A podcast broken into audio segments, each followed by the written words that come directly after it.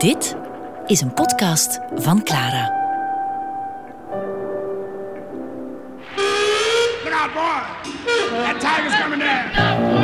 So what? But I beat, Wow, like that. All That Jazz. Met Karel van Keimullen en Tine de Donder. Hartstocht in de jazz. Daaraan gaan we deze aflevering van onze All That Jazz podcast wijten. Hartstocht en passie, maar ook revolte. Karel, nu ben ik heel benieuwd. Hoe zijn die twee te combineren? Wel, Tine, ik denk als je jazzmuzikant wil worden, dat je al veel hartstocht nodig hebt om, om, om die muziek te spelen en om, om, om daarmee om te gaan. Het is, is niet meteen de meest populaire muziek waar je, waar je een, uh, rijke carrière kunt mee maken. Maar als je dan ook nog uh, standpunten wil innemen, uh, de revolte wil uh, opwekken, ja, dan heb je nog wat meer hartstocht nodig. En in die zin wordt dat gecombineerd. En dus alle artiesten die we vandaag gaan bespreken, die doen dat allemaal? Ja, die zijn allemaal in die zin actief ja, en bewogen en bevlogen. Oké, we gaan meteen beginnen met de eerste. Wie heb je uitgekozen om mee te beginnen? Billie Holiday, een grote naam, met het lied Strange Fruit. Southern trees bear a strange fruit, blood on the leaves and blood at the root, black bodies swinging in the southern breeze, strange fruit hanging from the poplar tree. Kan je vertellen waarover het lied gaat? Ja, ze zingt op een indringende wijze, zoals we horen, dat er bloed op de bladeren zit en op de wortels. En ze roept ook het beeld op van zwarte lichamen die wiegen in een Zuiderse bries als vreemd fruit dat aan de populieren hangt. En ze verwijst duidelijk naar de lynchpartijen die in het zuiden van de Verenigde Staten in die jaren nog uh, plaats hadden. Het lied dateert van 1939. En je kunt het eigenlijk beschouwen als een vroege schreeuw om burgerrechten, de burgerrechtenbeweging die eigenlijk pas in de jaren 50 en 60 volop op gang kwam. Maar zij zong er dus al over in uh, wat, 1939? Ja, en Billie Holiday was toen toch al een grote naam, hoewel ze toen pas 24 was. Maar ze was beginnen zingen op haar 18. Ze was ontdekt door een grote producer, John Hammond. En in die jaren zong, was ze de zangeres, de artist in residence zeg maar, van Café Society. Dat was een, een club downtown New York, uh, uitgebaat door Barney Josephson, een uh, geëngageerde man. En op een dag bood hij dat lied aan aan uh, Billie Holiday. Zij zou je dat niet willen zingen. En Billie was aanvankelijk een beetje terughoudend. Uh, ze wilde zich uh, niet zo meteen mengen in die kwesties. Ze zong, Billie zong vooral liedjes over, over liefde en verlangen tot dan toe. Maar ze deed het toch om Barney niet teleur te stellen. Het lied was trouwens geschreven door een Joodse leraar uit, uit Brooklyn. En uh, ze deed het toch. En de eerste avond dat ze dat lied zong, was het na afloop muisstil in die club. En toen besloot ze, ik zal er elke avond mee afsluiten. En het is echt een, een, een protestlied geworden, een, een, een statement tegen uh, ja, de, de, de, discriminatie en, de, en het geweld tegen de zwarten. Iets waar ze zelf misschien ook ervaring mee had? Zij had daar natuurlijk ervaring mee. Het leven van Billie Holiday is getekend door drama's. Seksueel misbruikt als kind, uh, prostituee geweest, uh, ja, armoede gekend. Ze viel op de verkeerde mannen en door al die pijn die haar was aangedaan, greep ze gretig naar, naar drank en drugs. En haar leven is eigenlijk ook vrij vroeg afgelopen. Ze was pas ze was amper 44 toen ze, toen ze stierf. Maar ze kon die pijn goed uh, verwoorden. Ja, zij zong, ze had een vrij beperkt bereik, haar stem. Geen grote stem. Sketten, zoals bijvoorbeeld Ella Fitzgerald, dat deed ze niet. Ze, ja, uh, ze zong hel, helder, intens, maar met een rauwe kracht, zoals je ook in dit lied hoort. Here is a fruit for the crows to pluck, for the rain to gather, for the wind to suck, for the sun to rot, for the tree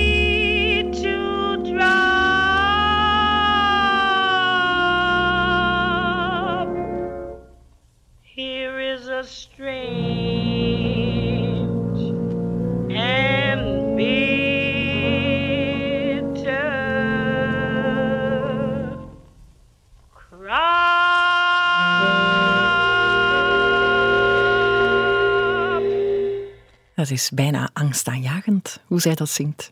Ja, ze zingt het alsof het haar opdracht is. Hè. Ze schildert echt dat duister en dramatisch tableau met veel kracht.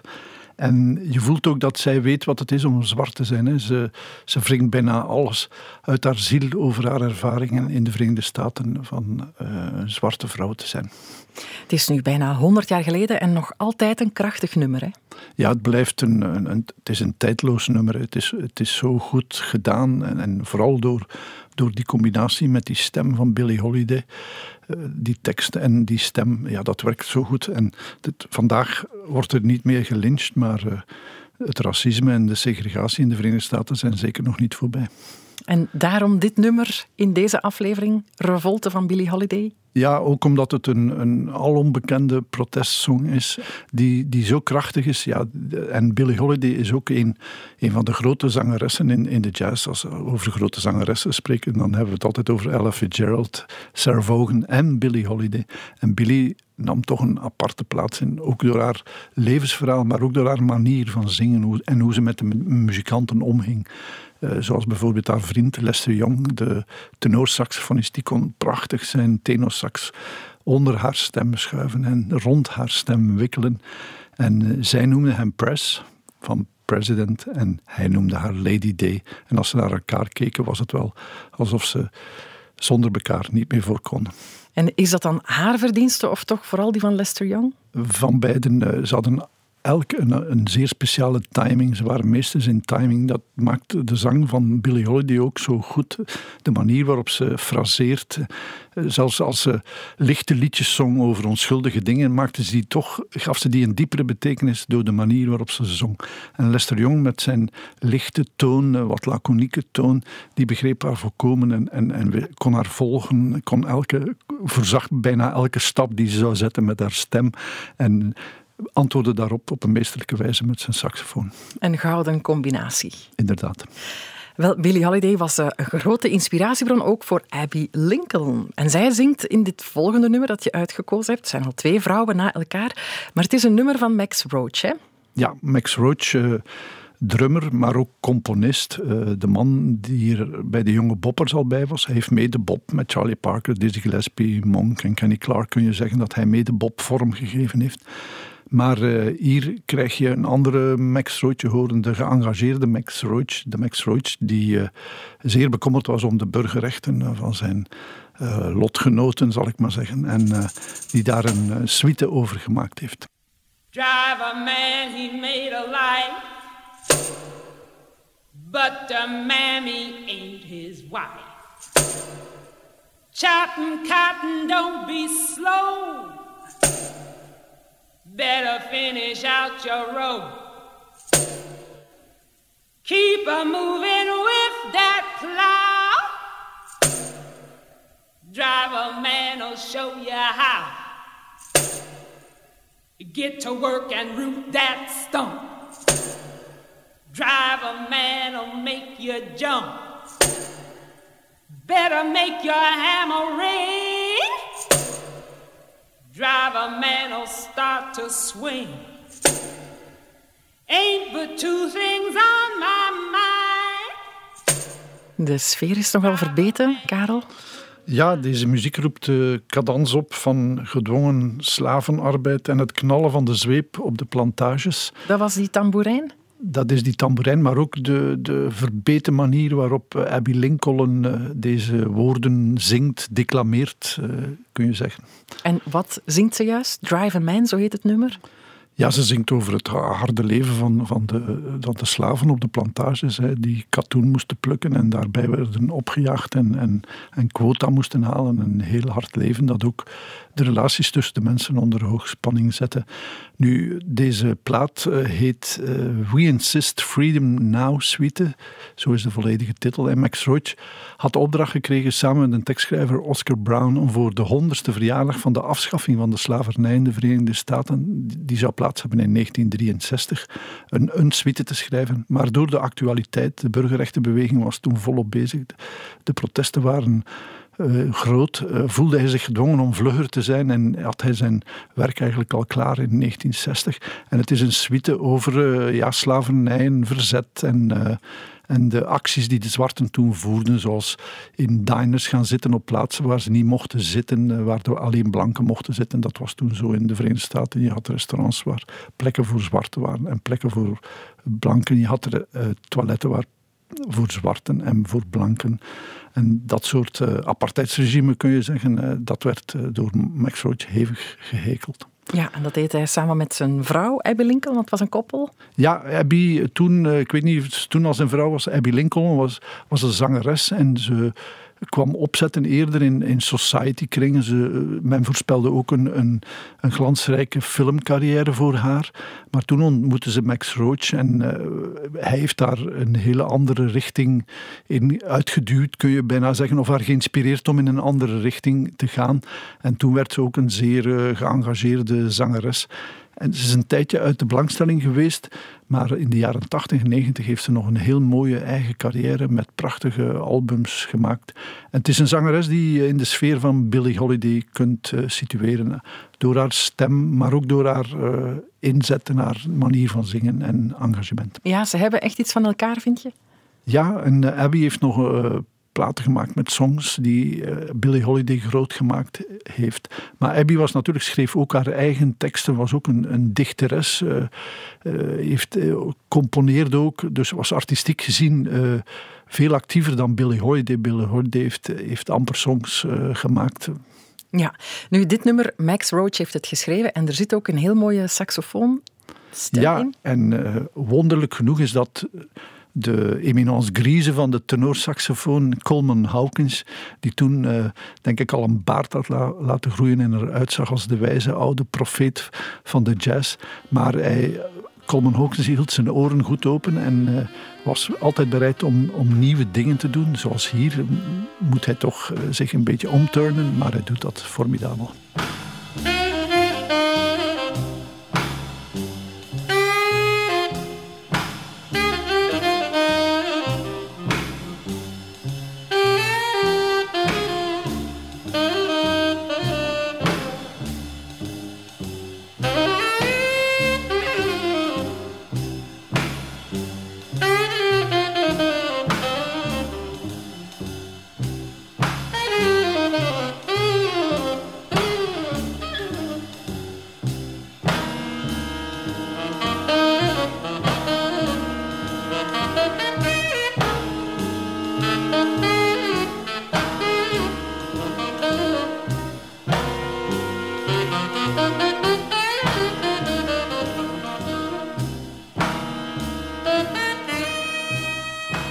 Ja, het is prachtig hoe je hoort dat Coleman Hawkins een beetje aan het zoeken is naar een nieuwe manier eh, van, van spelen, bijna zou je kunnen zeggen. Maar dat toch met heel veel eh, overgave doet. Je hoort zijn brede, gespierde toon, maar ook hoe hij eh, op een meer eh, hedendaagse toen, van die tijd, 1960, manier fraseert dan de tijd waaruit hij komt, de swingperiode en, en de hele vroege jaren van de, van de 20e eeuw. Het is, eh, het is mooi hoe jazzmuzikanten, en zeker iemand zoals Hawkins, is blijven evolueren en altijd wilde vernieuwen. En zou Max Roach veel moeite moeten doen hebben om Hawkins te overtuigen? Ik denk het niet. eh, Die eh, muzikanten kenden elkaar wel al, eh, hoewel ze van een andere generatie waren. Maar Hawkins heeft altijd interesse betoond voor, voor de nieuwe muzikanten. Dat is iets wat, wat in de jazz toch wel vaak gebeurt. Dat eh, oudere muzikanten hun kennis doorgeven aan jongere muzikanten. En dat delen niet alleen met het publiek, maar ook hun kennis delen met de, de jongere muzikanten. zo- Opdat het erfgoed, als ik het zo mag noemen, bewaard zou blijven. Of dat de muziek zou blijven evolueren. Dat is toch een kenmerk. Denk aan Toet Stillemans, maar denk ook aan Dizzy Gillespie. Die, die stond daarom bekend. Die deelde zijn kennis met iedereen die erom vroeg. En dat is een eh, mooie zaak, denk ik.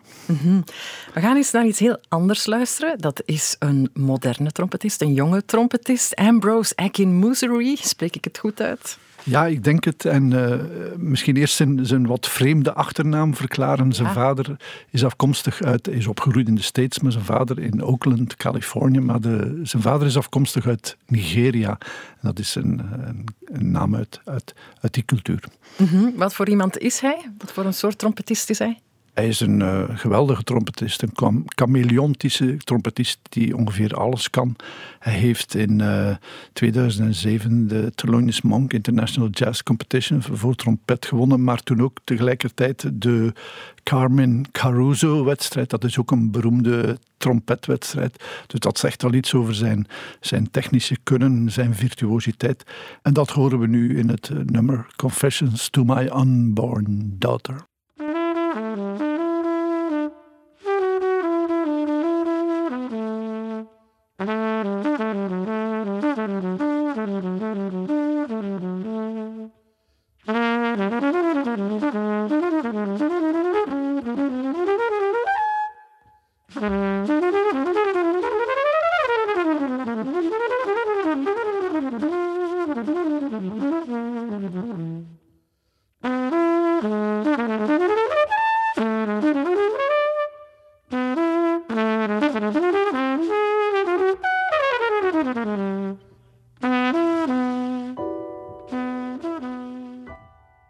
Klank, Karel.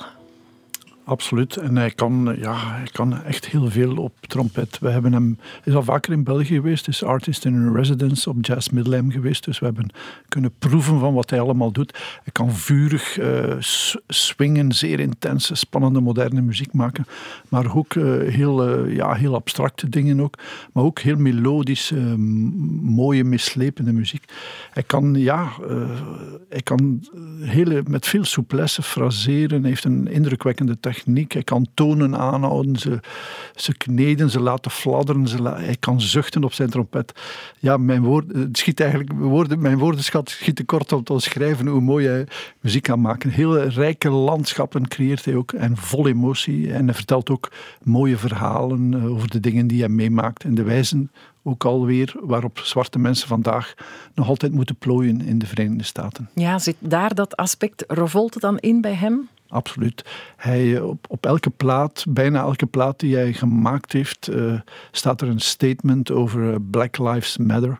Hij zet er een nummer op waarin hij namen citeert van alle, alle, jonge zwarte slachtoffers die gevallen zijn bij politiegeweld. Of hij, liet ze voorlezen door een jong meisje, ik denk dat zelfs zijn dochter is.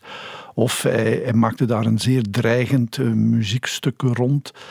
En dat is een statement dat hij maakt. Hij herhaalt dat op, elke, op elk album, hoe, hoe, verschillend die albums ook zijn. Ja, en dus ook op deze plaat staan zo geëngageerde songs. Ja, My Name is Oscar. En dat komt ook omdat um, Ambrose opgroeide in een nogal ruige buurt in Oakland. En hij zag hoe de crack-epidemie daar uh, toesloeg. En hij zag ook hoe zijn vrienden, of sommige van zijn vrienden, de verkeerde weg op gingen.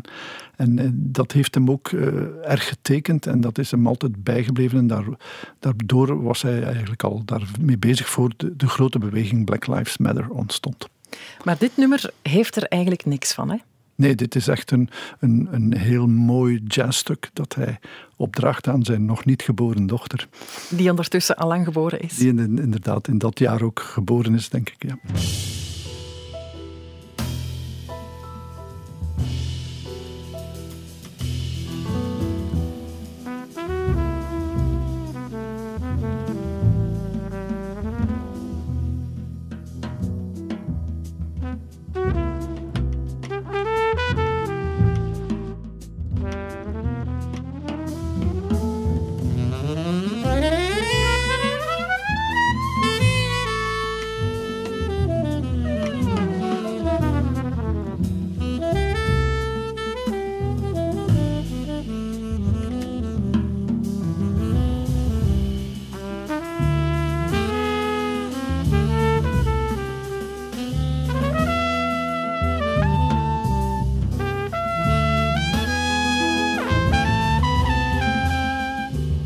Jij hebt hem al live gezien ook? Uh, ja, eh, live gezien en ook uh, de kans gehad om hem te interviewen. Eén keer telefonisch. En hij was artist in residence op Jazz Middelheim in 2019. En toen hebben we hem ook in de studio gehad en, en, een tijdje met hem kunnen praten. Ja. Hij klinkt als een heel ernstige muzikant. Was het dat toen ook? Of welke indruk maakte hij op jou? Ja, als een zeer ernstige muzikant. Want hij wilde vooraf geen interviews geven. Hij wilde eigenlijk maar interviews geven nadat zijn werk gedaan was. Hij, hij wou zich altijd concentreren op zijn werk. Hij had daar drie projecten op Jazz Middelheim. Een artist in residence heeft meestal drie projecten. En ehm, daar wou hij zich volop op concentreren. Daarna wou hij een interview geven. Maar zelfs tijdens dat interview getuigde hij wel van enige humor, maar bleef hij toch vooral ernstig. Want ik herinner me dat we, dat we hem vroegen, ja, je, je bent zo geëngageerd, uh, waarom doe je dat, die, die songs altijd herhalen op je, op je albums? En toen keek hij met een bijna kwade, verwonderde blik naar ons, van, waarom vraag je dat nu toch? Dat nu toch?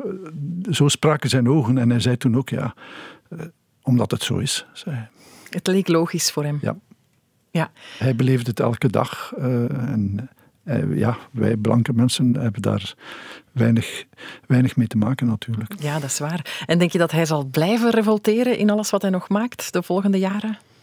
Um, hij zal blijven vernieuwen. Hij heeft al met een strijkkwartet gewerkt, uh, met uh, hiphoppers en, en teksten.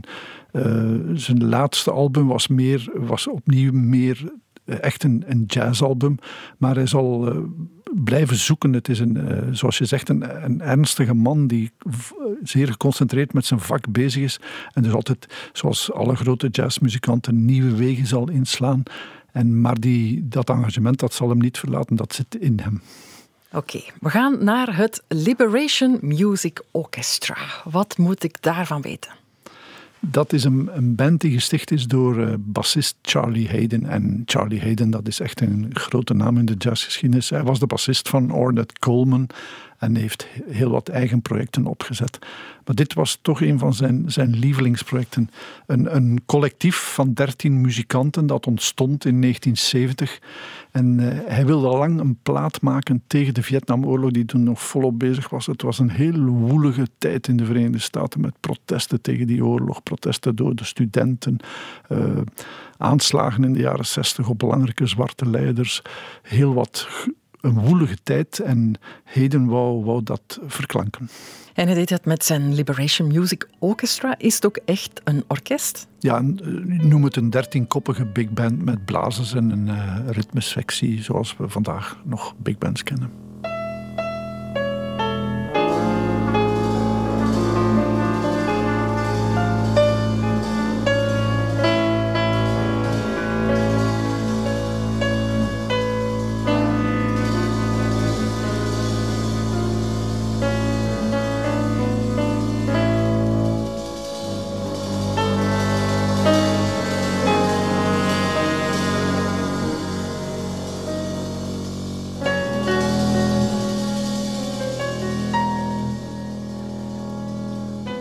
Dat is rustige muziek, hè? Ja, het is een soort rouwbetuiging ook. War Orphans, de titel zegt het al. Het gaat over oorlogswezen, dus dat is niet zo'n zo'n prettig thema. Maar het is muziek die, die heel mooi uh, aanzwelt en met veel kleuren. En, en dan die piano die daar zo altijd tussendoor blijft gaan. Uh, een beetje typisch voor, voor, die, voor die tijd, 1970. We hadden toen al de free jazz, hele collectieve exploraties en explosies gehad in, in, in de jazz. En dit is eigenlijk een soort uh, informele mix, zou je kunnen zeggen, van dat collectivisme en, en een soort radicaal individualisme. En, um, en dat hoor je ook in, in die muziek, ja. Het, het, het, past goed bij die tijd en bij het tijdbeeld. En wie heeft er nog aan meegewerkt naast Charlie Hayden? Charlie Hayden de beroep op Carla Blede, een pianiste en een componiste die toch al enige naam gemaakt had, al prachtige nummers had geschreven. Ooit uh, de vrouw was van pianist Paul Bley.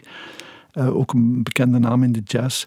En uh, zij arrangeerde die muziek op een, op een prachtige wijze. En ze, heeft, ze is dat blijven doen voor al de albums die uh, Charlie Hayden met die band heeft, heeft gemaakt.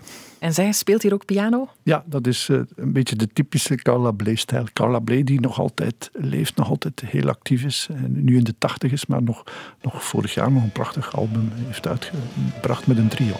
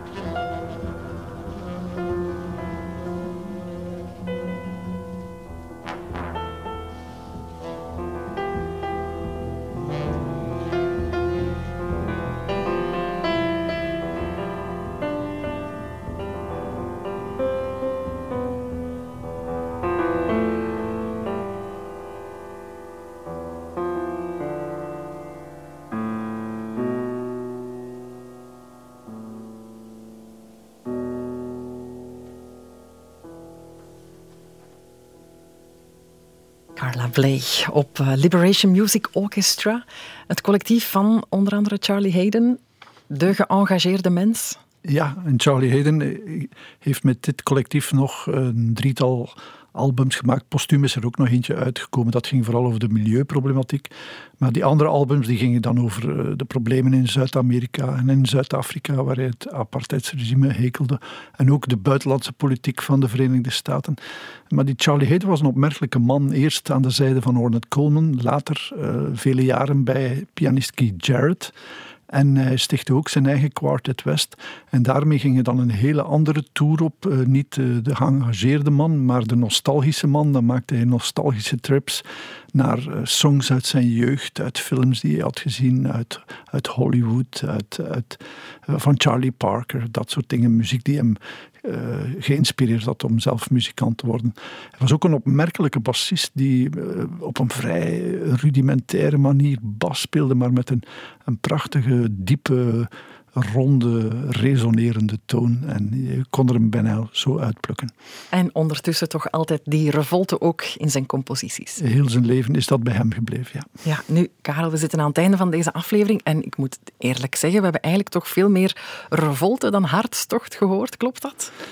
Ja, maar de, als, je, als, je, als je de boodschap van de revolte wilt, wilt uitdragen, dan moet je dat met hartstocht doen, denk ik. En ik denk dat deze muzikanten dat wel hebben gedaan. Ja, zijn veel jazzmuzikanten eigenlijk halve revolutionaire? Dat uh, zou ik niet durven zeggen. Nee. Uh, ik denk dat de meeste jazzmuzikanten vooral... Uh, heel begaan zijn met de muziek die ze willen maken. Ja, maar er zitten toch wel wat geëngageerde mensen tussen ook. Absoluut, dat hoort een beetje bij het karakter van de jazz. De vrijheid, de roep om freedom.